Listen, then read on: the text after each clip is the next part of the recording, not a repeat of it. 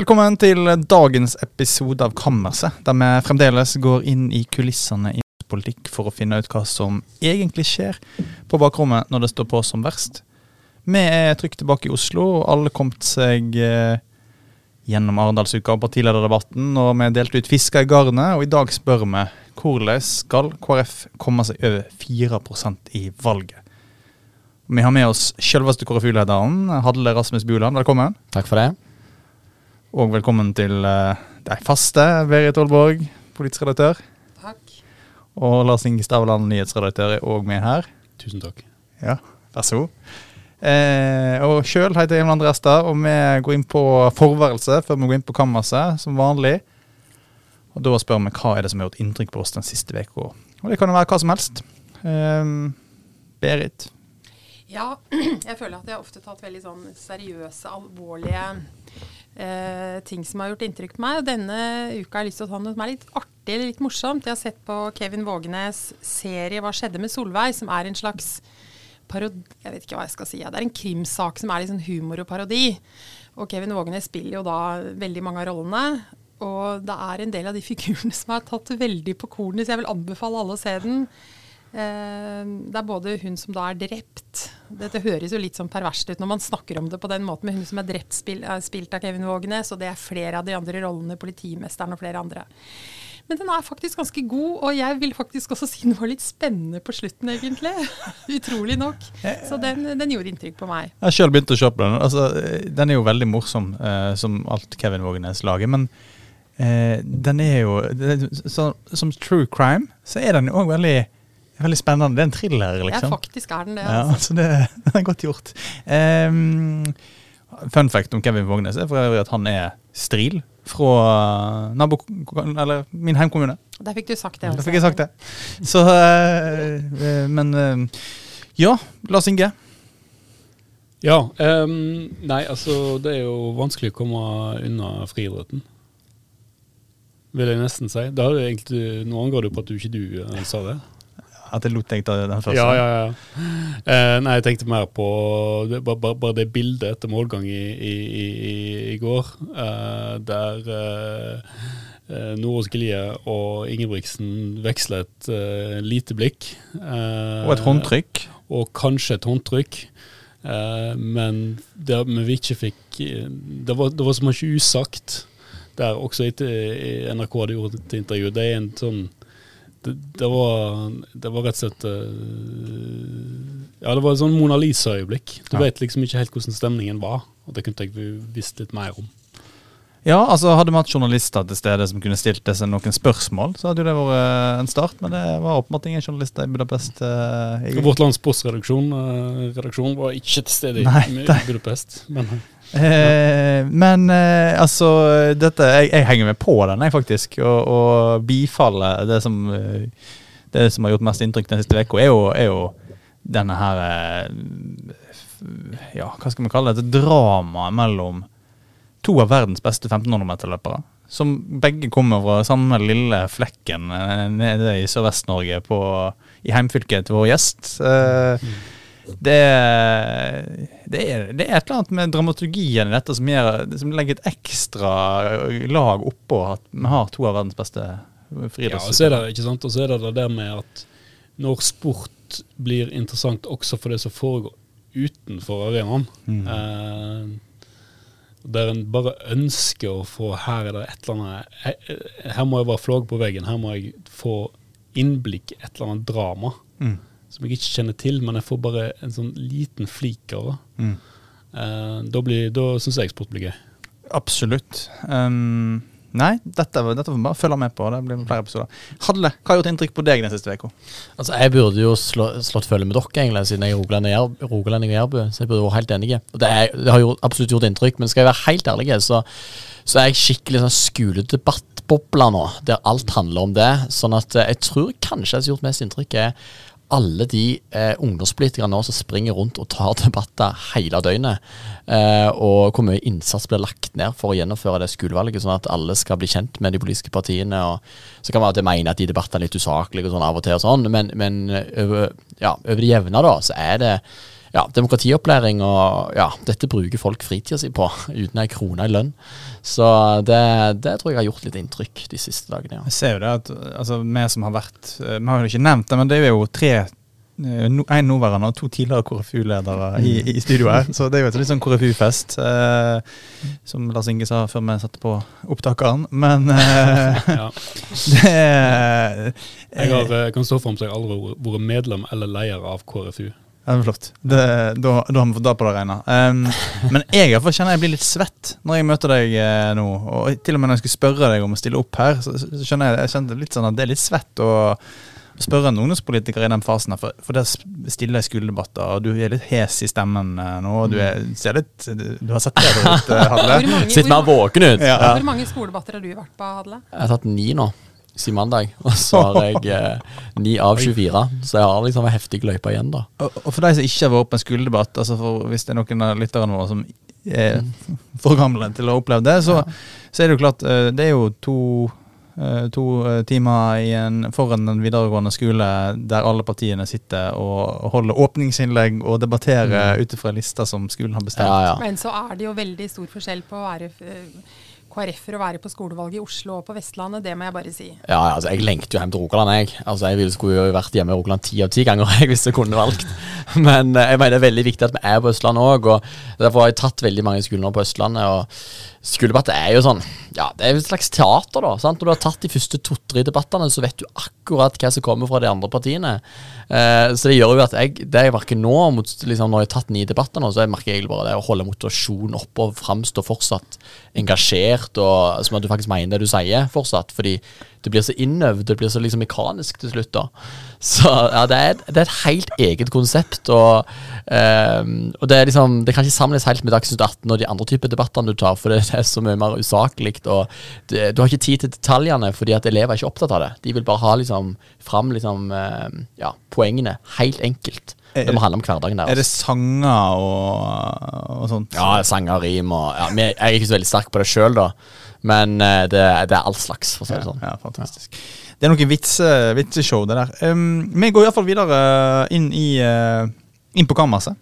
Uh, der vi skal finne litt mer ut om hvordan det egentlig går med KrF. Og for spørre deg, da, Hadle, hvordan er egentlig stemningen i partiet nå?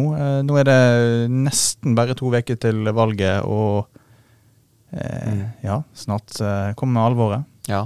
Jeg vil si at det er ganske stort alvor i partiet. Det er det. Eh, Stemningen er relativt god. Med det, med det så mener jeg at uh, vi har målinger som måtte Jeg er den typen som litt styres av målinger, for å si det sånn. Jeg lar meg bli påvirka av det. Noen er veldig sånn som klarer å distansere seg fra målinger og tenke at det ikke betyr noe. Uh, men jeg uh, får veldig energi hvis vi får noen gode målinger, og så merker jeg at det, jeg synes det er tyngre når vi ikke scorer så bra de målingene, fordi det gir liksom en, en retning på hvor vi ligger hen da. Men, eh, men jeg vil si at nå så har vi veldig mye lokale, gode målinger eh, som på en måte jeg opplever er positivt. Eh, men så er det òg sånn alvor i partiet, da. Fordi at eh, vi hadde et veldig dårlig valg i 21. Eh, og vi har veldig behov for å vise nå at vi klarer å legge klar en eh, sterk organisasjon da, fram mot 2025. Eh, det er liksom det viktigste nå i 2023. At ja, det er veldig viktig med lokalpolitikk, og at vi har KrF-ere som kan fronte KrF-politikk i kommunene. Men det er òg viktig at vi ivaretar organisasjonen. At vi har lokalpolitikere der ute i hele landet som eh, De vil være ekstremt viktige for oss i stortingsvalget i 25. Eh, det å klare å bryte sperregrensa da. Eh, så det er jo ikke så offisiell sperregrense nå. Eh, sånn, den betyr ikke så mye for oss 3,9 eller 4,1. sånn. Symbolsk. Men det har vært symbolsk, ja. Og jeg syns det var skikkelig digg hvis vi hadde klart å komme oss litt over 4% fordi det gjør at vi, vi begynner ikke så i motbakke når, eh, når veien fram mot 2025 begynner, da. Så Og jeg tror vi skal klare det. Jeg føler stemningen er der til at vi skal, skal lykkes inn til mål. Det er jo noen som Altså, valget i, 2019, det kom jo ett år eh, under et år etter mm. en ganske opprivende eh, høst i, i KrF, eh, der, der det var det berømte retningsvalget. eh, og, og der Knut Arild Hareide gikk av etter hvert, og Kjell Ingolf Ropstad gikk på. eh, og det er jo det valget dere nå sammenligner dere mot. Altså, eh, mange mener at KrF gjorde et veldig dårlig valg den gangen. Og nå har jo faktisk noen av de som gikk ut den gangen, kommet tilbake til partiet. Altså, Toppkandidaten i, i Tromsø, Ja, ja, han er jo tidligere eh, og, og flere andre. Ja. Eh, Nei, altså Valgkampen i 2019 jeg husker jeg ganske godt, fordi jeg ble jo kasta inn som trainee da, eh, den sommeren. Og jeg husker vi hadde målingen der på 3,3 da i juni, og mobiliserte opp til 4 blank fram til valgdagen. Så det har jo på en måte vist at vi har en mobiliseringskraft i organisasjonen alltid mot slutten, eh, som jeg ikke mente vi helt klarte å dra ut til det fulle da i, i valgkamp 21. Eh, og det som er gøy å se nå, da, når vi går inn i valgkamp 23, akkurat som du sier, Emil, så er det jo det at vi har fått tilbake mange folk som gikk ut eh, i en retningsstrid som var veldig vond for oss, og der vi mista mange talenter og flinke folk som, som eh, var viktige for partiet. Um, og Det er gøy å se da at noen av de velger å komme tilbake og tenke at de har med ugjort i KrF. og Nikolai er jo en av de, og, og det er flere som, som har tenkt å heve seg på. Og Noen har ikke alltid meldt seg ut, men de var kanskje litt labert engasjement, men kjenner på ny, ny guts nå, da. Eh, fram mot eh, 2023 og 2025. da. Jeg vil jo påpeke at ikke alle dere mista som var flinke folk, men eh, så, Nei, det har jeg ingen kommentar til. Det har jeg ingen kommentar til. Nei, men altså eh, vi, eh, Du tar oss jo eh, litt inn i, i hvordan valgkampstemningen er her. Ja. Hvis du, hvis du nå skal ta oss med inn på bakrommet på KrFs valgkampsentral, eh, hvor er den? Kan du skildre liksom hva, hva blir snakka om der? Hva, eh, Altså Nå kan jo jeg synse litt med dere, fordi at jeg eh, nå reiser jeg rundt og har skoledebatter, så jeg er jo på en måte i min egen boble. Eh, men jeg kan jo si at det som er ekstremt viktig for, eh, for partiet nå, er jo å bryte lydmuren og klare å sette agenda i media. Eh, og det er tøffere nå enn det har vært på lenge, fordi at vi et mindre parti sånn rent oppslutningsmessig. Eh, og, eh, og da er det og det å klare å finne noen gode vinklinger og noen gode konfliktlinjer mot de andre partiene, det blir ekstremt viktig. Um, og, og ikke minst de områdene der vi allerede har troverdighet i dag. Um, så på en måte på kort sikt så handler det om å først og fremst ta utgangspunkt i de sakene der vi ser aktuelle i dag, og klare å gjøre oss interessante der. Uh, mobilfri skole, f.eks., som vi var i Politisk kvarter nå på mandag, det tror jeg er en sånn sak som mobiliserer mye på småbarnsforeldre, og ikke minst lærere i skolen. Eh, så det, det finnes sånne på en måte knagger som vi må henge oss på. Eh, på lengre sikt så er jo det et litt større spørsmål, for det handler jo litt mer om hvor er det vi skal bygge troverdighet hen, og, og sånn. Men, eh, men disse to ukene her så blir det på en måte viktig å klare å bryte lydmuren med de sakene vi har. da. ja. Og dere fikk jo brutt lydmuren, eh, i alle fall i Vårt Land, spalte etter partilederdebatten eh, forrige uke. Hva syns du om Olaugs innsats? Ja, jeg syns det var gøy å se. Eh, Olaug var dyktig. Og hun, det som måtte jeg opplever skyld skiller Olaug fra de andre partilederne, er jo at hun har litt sånn sin egen måte å, å, um, å snakke politikk på, som gjør at det framstår veldig folkelig, og det framstår veldig genuint. Og det er det. Jeg tror alle vi som kjenner Olaug, når vi ser henne i den partilederdebatten, så det er akkurat sånn Olaug er. Eh, hun mener det hun sier. Eh, og, og kanskje er det litt få av de i politikken, da. At eh, vi blir eh, Vi læres opp fra ungdomspolitikken og blir litt sånn kalkulerte og innøvde resonnement. Mens Olaug der er- framstår det, og det kommer veldig rett fra hjertet, da. Eh, Så må jeg bare si, det som Emil viste til, er jo at vi, eh, vi fisker i garnet, vi ikke terningkast i vårt land. ja, jeg så det. Eh, og det har vi gjort i noen år nå. Men, Du må forklare men- fisker i garnet. Fisker i garnet. For det, ja, vi har fått noen spørsmål om det. Eh, hva, hvorfor det? Og det er jo liksom Det har jo noen sånne kristelige Ja, det er bibelreferanser. Det er bibelreferanser, men det er også dette, dette søndagsskolekortet hvor man da fikk et sånn der, Hvor du fikk stjerner og klistremerker av fisk og stjerner i garnet. Så det er fisker i garnet. Men vi ga i hvert fall da seks fisker i garnet til Olaug Bollestad. Og tidligere har vi nok gitt henne relativt eh, dårlige rankinger, men vi var veldig overraska. Eller ikke overraska, men vi, vi følte at hun hadde løfta seg veldig, da.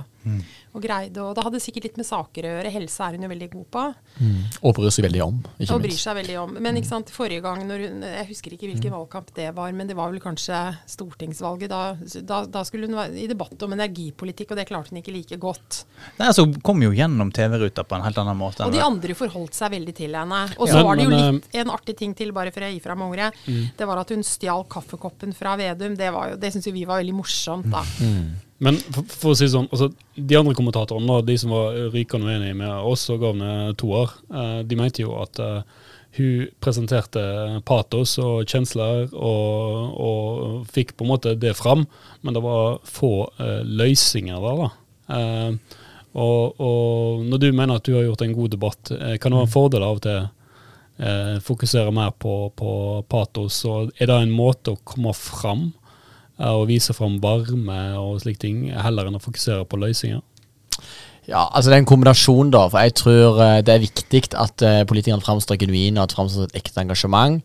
Eh, men så tror jeg òg det er viktig at politikerne har politiske løsninger når du er i en politisk debatt, fordi de klarer å skille partiene og skjønne hva du vil og sånn. Eh, men det opplevde jeg òg hun hadde. Jeg opplevde at hun var tydelig på f.eks. Kutta i momsen på frukt og grønt og de tiltakene for å gjøre det lettere for barnefamilier å kunne velge sunne alternativer. Hun hadde eksempler som hun brukte. Så men, men, ja, jeg mener at det er ikke irrelevant i en debatt å ha politiske løsninger. Men uh, ofte det som blir huska av folk, er jo ikke de politiske løsningene. Det er jo at du har et språk, og du når inn, og du på en måte treffer den problembeskrivelsen som jeg kjenner på der ute, da. Så det er jo litt sånn vektlegging når du forbereder deg. Det merker jeg sjøl òg til debatter nå når jeg sitter i skoledebatt. Altså, sitter jeg og tenker jeg må prøve å treffe hva er det disse ungdommene tenker på. Hva er det problemer de føler på her og nå. Eh, de er ikke så opptatt av løsningen på samme tid, men, men eh, det må være løsninger der for å, for å gjøre det helt da, og mm. klare å selge det. Men du, Kan jeg bare stille deg et spørsmål litt tilbake til det her med at det har kommet inn flere, bl.a. Nikolai Skogan fra Tromsø, som har kommet tilbake etter dette mm. sidevalget. Som KrFU-leder, jeg vet at du har vært opptatt av å på en måte favne litt breiere igjen. Mm. Hvor opptatt er du av at en del av de som var med før, skal komme tilbake til KrF? Nei, jeg mener det er veldig viktig, for jeg, jeg, opplevde jo i 2018 Jeg var jo med, jeg er jo en av de som var med under 2018. Og jeg opplevde jo at vi ble på en måte pressa ned i skyttergraver. Sant? Vi skulle ned i liksom, vi skulle ned i hver våre eh, grøfter, der du blå, var blå og rød. Sant? Mm. Uh, og så ble liksom jeg og andre da, som måte, var aktive i partiet, vi, plutselig ble vi veldig langt fra hverandre. Selv om i realpolitikken og når vi på landsmøtet når vi diskuterte politikk, så var vi ganske nærme hverandre. Men vi bare konkluderte ulikt på hva vi mente var den beste konstellasjonen for å få gjennomslag for i den politiske situasjonen vi var i da. Uh, så og det gjorde nok at eh, jeg eh, Jeg så synd at vi mista folk som jeg visste var kristendemokrater, altså var KrF-ere, og både var opptatt av den politikken vi sto for. Men, men de, de, forlatte partiet fordi at de følte ikke seg hjemme lenger, eller var uenig i det retningsvalget. Mm. Men samtidig så har jeg veldig forståelse, og det er jo sånn Jeg måtte kanskje på en måte sitte og forvente at alle bare skal komme tilbake, for det skjedde ting under 2018 fra alle sider som gjør at folk har sine grunner. Men, um, men så er det veldig gøy da, å se at noen kjenner at ja, det er rett å komme tilbake, og de har en jobb å gjøre. Og, um, og det har vi brukt litt tid på òg, å berede grunnen for det. At det skal være enkelt å komme tilbake og få tilbake posisjoner og ja, gjøre en jobb. Sånn som jeg forstått deg, så, så, mener du at det var, det var feil å hele tatt ta den opprivende debatten i 2018? Mm. Uh, sånn som jeg har forstått deg. Um, men hvis du spoler tilbake og ser på grunnen at jeg gikk inn i det, da, det jo, kan jo Emil eh, kanskje bidra litt, eh, så var det jo da at de mente at det var, det var, det var en umulig posisjon å være i, å sitte på vippen og bli på en måte dratt fra skanse til skanse, eh, samtidig som oppslutninga gikk ned. Når du da skal inn folk fra, fra hva skal jeg si, rød side, da, eh, og ser for deg en situasjon der Erna Solberg kommer tilbake igjen Um, tror du den posisjonen i midten vil bli, uh, vil bli på en måte Hva skal jeg si Vil det være en fin stad å være mm. i 2026? Mm. Og shoppa litt både til høyre og venstre? altså, det blir liksom Det å gå tilbake til 2018 Jeg har jo sagt at jeg ikke ville at Redensvalget skulle skjedd igjen, uh, mm. men det er på en måte veldig sånn jeg, jeg, ville ikke at det skulle ha skjedd, men det blir veldig lett å si det etterpå. Sant? Jeg var jo en av pådriverne i 2018 for at vi skulle ha et retningsvalg. Mm. Så, så, jeg uh, har jo erkjent det etterpå at jeg tok feil. Og på en måte hvorfor i alle dager gjorde vi dette, når jeg så etterpå hva slags sår det fikk for partiet. Så, um, så, men det er veldig lett etterpå å på en måte kunne reflektere rundt hva vi skulle gjort annerledes. Sånn er det jo alltid. Um, så jeg vil ikke akkurat på en måte vektlegge så mye det.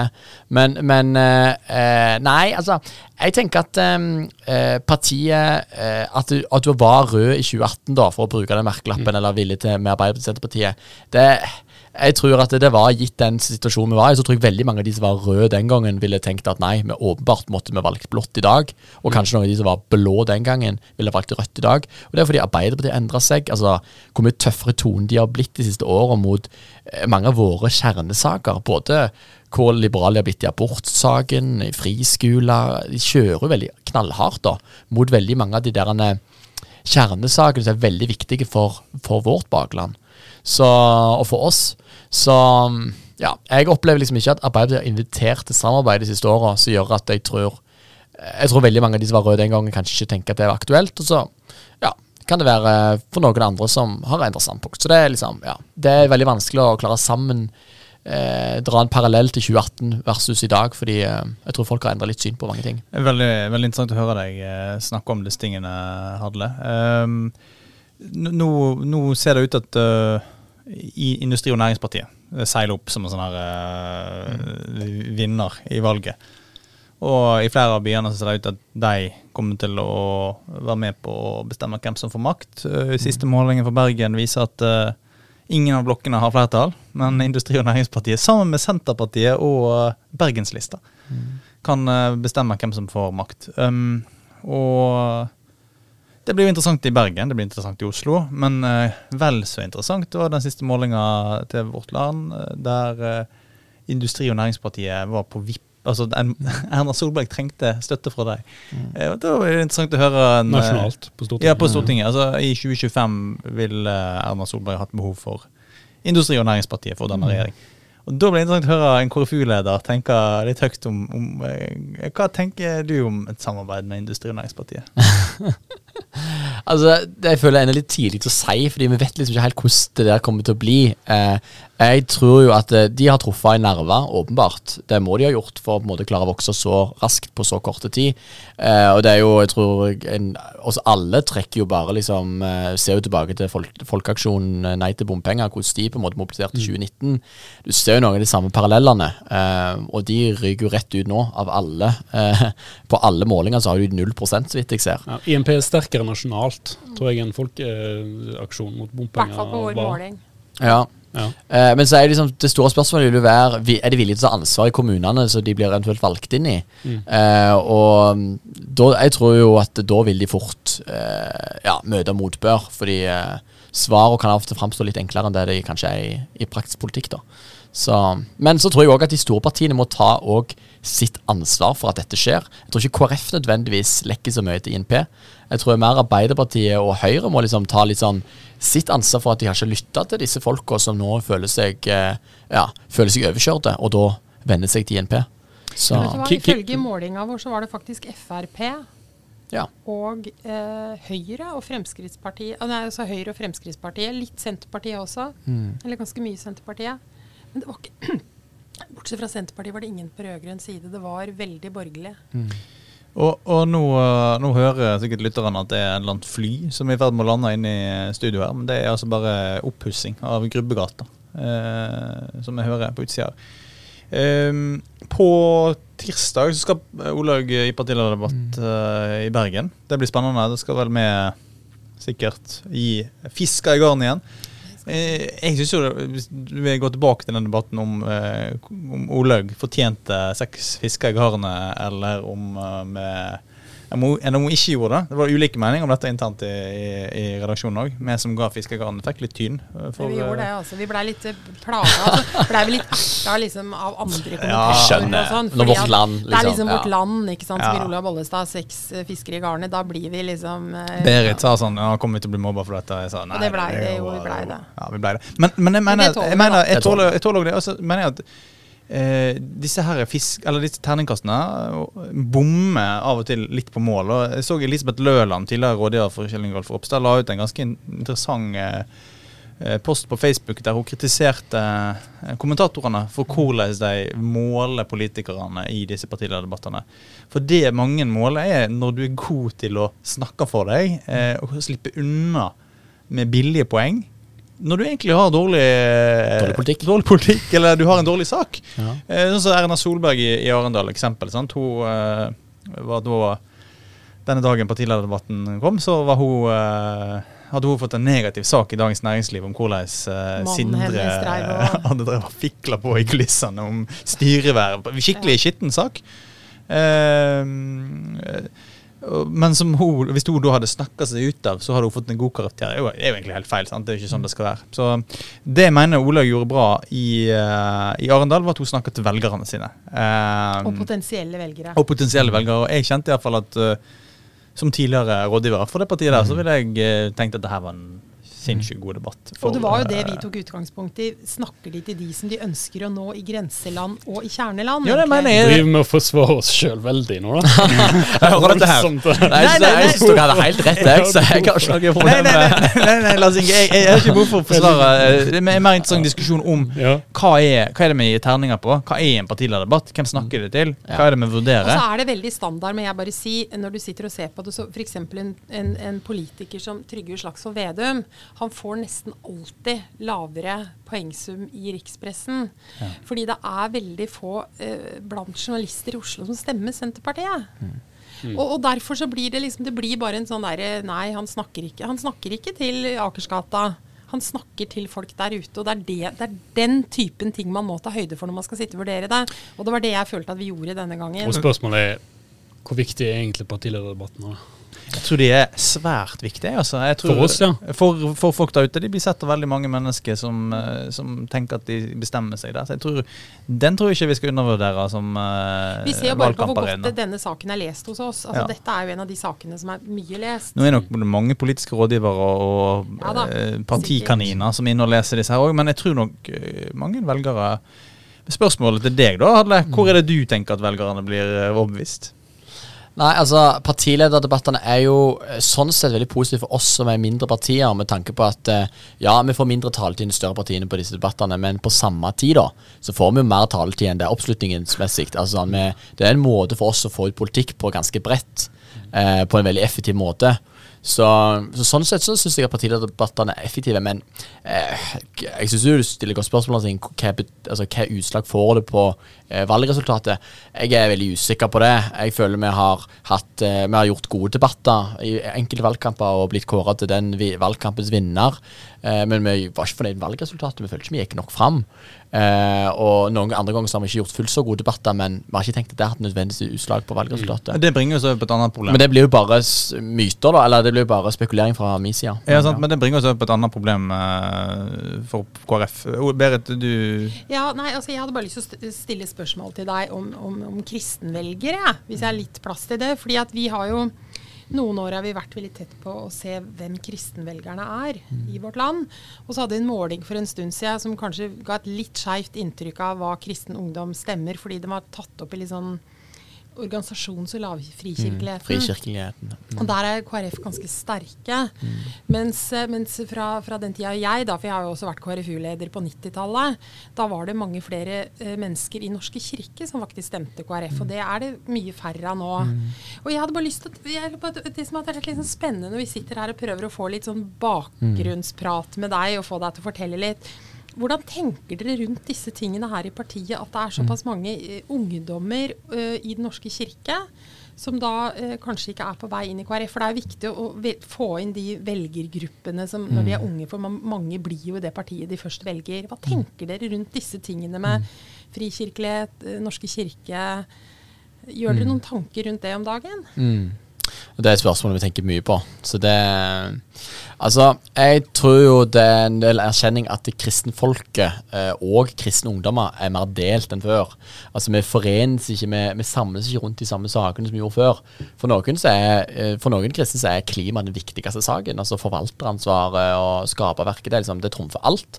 For andre så er det abort eller kjønn eller de andre typer sakene. Så det er på en måte eh, Det gjør at det der å bare liksom tenke når vi skal nå kristenvelgerne, det er et veldig vanskelig utgangspunkt. Fordi at det er du, ja, det som vi er enige om, da, at det finnes eh, kristne folk alt, all slags partier. Så det vi har vært opptatt av, det er å klare å meisle ut liksom, noen konkrete, sånn som nå inn i skolevalget, for å nå ungdom, da. Meisle noen konkrete saker som vi tror kan ha appell, både hvis du er kristen, men ikke kristen òg, eh, men som eh, ligger veldig tett på ideologien vår. Eh, og Derfor snakker vi blant annet veldig mye om kjernekraft og energipolitikk. Og så lurer jeg hvorfor snakker dere om det? Men så er det sånn, jo, men for oss er familiepolitikk viktig. Da handler det om strømprisene til familiene, og det handler også om klima. Eh, sånn at eh, vi kan på en måte vinkle de der større sakene òg inn på ideologien vår. Så det er på en måte ett forsøk på det. Og så er det å eh, å være eh, kloke og prøve å være samlende da, i de vanskelige spørsmålene, ikke prøve å gå i de skyttergravene. Eh, jeg tror jo at veldig mange kristne er enige at de ønsker å få ned aborttallet, f.eks., mens de er ikke enige om hva de vil gjøre med abortloven. Men hva vi samles da om, om å få ned aborttallet, først og fremst? Og så eh, om det Hvor som Hvor viktig er abortpolitikken nå, tror du, for, for velgerne til KrF? Jeg vet ikke. Jeg tror det er, jo, jeg tror han er veldig viktig. Det tror jeg. Eh, men på samme tid så stiller vi oss spørsmål sånn som valgkampen 21. Abort var på agendaen. Det var en, viktig, altså, det var en av de viktigste sakene i valgkampen. Sånn, eh, veldig framme i media. Men, eh, men vi mobiliserte ikke over 4 av den grunn. Så, eh, men jeg tror det var veldig viktig at de 3,8 stemte oss. fordi 3,8 dere kanskje ikke greide helt å si hva som var KrF sin politikk? For, for Kjell Inge Ropstad strevde jo voldsomt med det når han ble konfrontert med det. Ja, og jeg, vi hadde jo en debatt om det på landsmøtet i KrFU òg. Og vi har jo meint at det var et vanskelig utgangspunkt. eh, Og vi, jeg mener jo at og ikke nødvendigvis Shingles sitt problem eller sin feil, det var jo egentlig partiet som gitt han et elendig mandat Mm. å jobbe ut ifra. Fordi at det, det var vanskelig for han å navigere seg inn i formuleringer som, som var veldig utydelige, da. Så vi kan Det diskutere mer abort, men kronglete, ja, vedtak på landsmøtet. ja, det var nok det. ja. Vi må i hvert fall videre. Uh, vi har ukas skriftestol, uh, som er der uh, vi spør eh, hva en angrer mest på den siste uka. og Berit eh, signaliserer at hun angrer ikke på noe, som vanlig. Jeg har bare ikke greid å tenke meg. Lars Inge, angrer du på noe? Ja, altså Det er jo ikke så veldig alvorlig. Men jeg, jeg angrer på at jeg ikke stemte forrige uke. Det burde Ja. jeg gjort. Ja. Hvorfor? Nei, det kan jeg ikke si. Neida. Nei altså, eh, jeg tenker at det, det kunne vært greit å blitt ferdig med det. Og Da kan du bare avsløre en gang for alle for leserne og lytterne til vårt land hva du stemmer. Jeg kan uh, avsløre av og til at jeg er litt sånn, uh, litt sånn i tvil, ja. Spennende. spennende. Klarer Hadle Rasmus Bjoland å overbevise Lars Inge Stavland om å stemme KrF? Følg med i neste episode. Nei da. Eh, Det var en gøy episode. Ja, det var en gøy episode. Ekstremt spennende episode. eh, Ras Hadle eh, Rasmus, var det jeg skulle si. Rasmus. Det heter Hadle, altså. Men uh, du kan bare kalle meg Rasmus. Eh, ja. eh, hva har- angrer du på mest den siste uka? Ehm, ja, det kan, kan du si. Jeg um, Altså, når jeg jo i skoledebatt, nå blir det mye referanser til det. Men uh, jeg, eh, vi har jo en veldig viktig sak for oss som handler om at vi vil utsette skolestart til klokka ni. For at elever skal få sove lenger. Og Da tenkte jeg skulle være veldig lur, så jeg kjørte på med åpningsinnlegget. Så spurte liksom elevene om, om er dere trøtte, eller rett opp hånda, er dere så trøtte i dag. Ja, Det var ikke én sjel som retta opp hånda. Damstilt. Jeg tenkte at nå skulle alle rette opp hånda, skulle jeg få den liksom eh, drahjelpa inn i åpningsinnlegget og få alle med meg. Jeg var så trøtt de orka ikke. Ja, så jeg prøvde den òg. Liksom. Ja. Dere var så trøtte. Det var ingen som lo av det heller. Så jeg bare grafer ned. Jeg bare så, Åh, jeg visste ikke hva jeg skulle gjøre av meg. Men da må du bare fullføre, så må du bare stå i det. Og så den Heldigvis så er- glemmer de fort, da. Den er tung. Så den er tung. Den er tung. Vi har alle vært der i en skoledebatt, at, eh, at det blir tungt. Jeg, nå, Eh, nå kommer jeg på en ting jeg angrer. Jeg, I morges så kom jeg på trikken, og da sto det to politikere og delte ut valgbrosjyrer. ja. Og dette er jo folk på Nordstrand i mitt nærmiljø, så hun ene liksom kjenner jeg litt. rann Jeg orker ikke å si hvilket parti det var.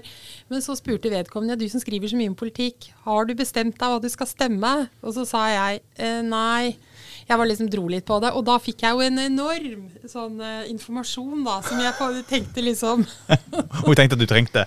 tenkte at jeg trengte det. Men jeg bare tenkte at alt det hun sa, visste jeg, liksom. Da, så ikke sant? Det er jo en veiing da, hva man skal stemme til slutt. Ja, nettopp. Uh, Sjøl så angrer jeg ikke på noe neste uke. det så kjekt. Hør på er han, da. riktig, du, Emil. Han, Eh, eh, faktisk hatt ei veldig bra uke. Så det, det Ja. Jeg pleier jo å angre på ting, så det Ja, vi, vi er jo Vi nærmer oss sluttet, men vi har jo fortsatt igjen ukas profeti. Eh, som er at eh, en av oss hver uke kommer med en profeti, og så kommer gjesten med en profeti. Og Berit, du er jo den av oss som uh, Har gjort flest tabber her? Nei. Nei, men du har har, gjort tabber alle sammen. du har kommet med gode profetier og Ja. mindre treffende profetier. Absolutt. Som vi alle har. Eh, noen ganger treffer vi, andre ganger ikke. Nei, altså Jeg tror faktisk at eh, det ikke er umulig. Jeg skal ikke si at de kommer over den, den symbolske sperregrensa. Vi må jo bare si at det er ikke noe sperregrense ved, eh, ved dette valget som er nå, men det er liksom det er et symbolsk 4% er veldig symbolsk for de partiene som ligger og vingler rundt der. Og jeg tror faktisk KrF har en Jeg må jo ta en sånn KrF-profeti når jeg har en KrF-ur her. Jeg tror faktisk KrF har en viss sjanse til å nå det målet. Det er litt avhengig av hva som skjer i de to ukene som kommer, at de greier å holde opp litt sånn synlighet og trøkk. Men jeg tror jo også at dette, denne mobilfri skole var et ganske godt utspill for KrF. Jeg vet mange er opptatt av det. Jeg har ikke bar små barn i skolen, men jeg har hatt barn i skolen lenge, og har syns ofte at det har vært liksom synd at det er for mye mobil og, og data på skolen, at de liksom lærer for lite fokus og sånn. Så jeg tror at det er mange som kan kjenne seg igjen i det. Eh, så hvis noen sitter og lurer på at de stemmer KrF, så kan det godt hende at det er noe som vipper noen over, da. Rett og slett. Så jeg tror man kan gjøre det kanskje litt bedre enn eh, de har ligget an en stund. Nå fikk jeg lyst til å spørre hadde hva han tenker om Beris profeti, men det tenker vi skal la være. Men eh, Han kom bare til å si Jeg ja. støtter han fullt ut. Jeg kommer til å klare langt over 4 ja, ja, ja. Det blir iallfall spennende. Eh, For KrFs vei mot 2025 så er dette veldig viktig. Så jeg, jeg tror du har rett, Berit, at det er en, en mulighet. Eh, Hadle, Ja, nå må jeg nesten komme med en kommentar, men du skal få gå først. skal du få, har du òg en kommentar? Nei, nei, bare kjør på. Men Nei, det var kjør. så mye KrF-støtte nå at eh, jeg tror KrF kommer til å havne under 4% nasjonalt, men at de kommer til å gjøre gode eh, lokale valg som kanskje gjør at eh, organisasjonen kommer seg gjennom dette her uten så mye strid likevel. Hva Tror tror du resultatet blir? Nasjonalt? Nei, under 4 da, så da kan vi jo 3,87, da, eller noe sånt. 3,87. Ja. Som i 2021. Eh, Hadle, hva er din profeti? Jeg fikk vel ikke lov å ha en KrF-profeti, men jeg, eh, jeg drister meg ut på en likevel. Jeg tror vi kommer til å få Norges yngste varaordfører i Luster. Eh, med Jonathan Hurtig. Det er veldig gøy å se. Altså, med, eh, det-? Ja, altså han er en ung 21-åring som eh, Der vi egentlig har gjort det veldig dårlig før. Eh, vi har hatt eh, vippa én, og egentlig har vært ute av kommunestyret flere ganger før. Men nå så er vi liksom inne med to, og snart har vi inne tre. Altså Vi har gått veldig opp og har eh, dobla med resultatet, på målingene iallfall. Og gjør det best blant unge velgere i kommunen. Så det er litt gøy å se at når vi våger å satse på unge kandidater, så får det faktisk utslag på velgertallet òg, da. At vi klarer å gjøre oss aktuelle for yngre velgergrupper. Du skal slippe unna med den. Vi har hatt verre, verre okay, profetier. Erna Solberg var i studio her, hun hadde en, eh, hun hadde en skikkelig flau uh, Høyre-profeti. Om at uh, Nå må du si den, ja. For ja, lurer og, eh, var. det, var i, det var vel i januar, og, og hun kom vel med en profeti om at Høyre får ordføreren i Bergen, og at ordføreren i Bergen etter valget kommer til å hete Marit Wanke, som er Høyre sin ordførerkandidat der. Så eh, Men jeg Men trodde Erna kom med profeti om Rødt, ja. Og ja, ja, men så, så Hun Så kom med den det- flaue først, og så kom hun med en profeti om at Rødt kom til å endre syn i våpen mm. til Ukraina, og det gjorde de jo. Så Erna har jo rett, og kanskje får hun rett om Bergen òg, men uh, ifølge Bergens Tidendes siste måling så ser det ikke sånn ut. Vi er iallfall ved veis ende. Vi takker veldig til deg, Hadle, for at du stilte opp. Kjekt Tusen å være takk. Og eh, kjekt å ha deg her. Og nå eh, er vi tilbake med en ny episode neste uke. Eh, dere som lytter, kan sende oss innspill på hva gjester dere vil ha med i podkasten på kammerset, alfakrøllvl.no. Og send oss eh, gjerne ris, ros, tips og innspill. eh, og så er vi tilbake straks.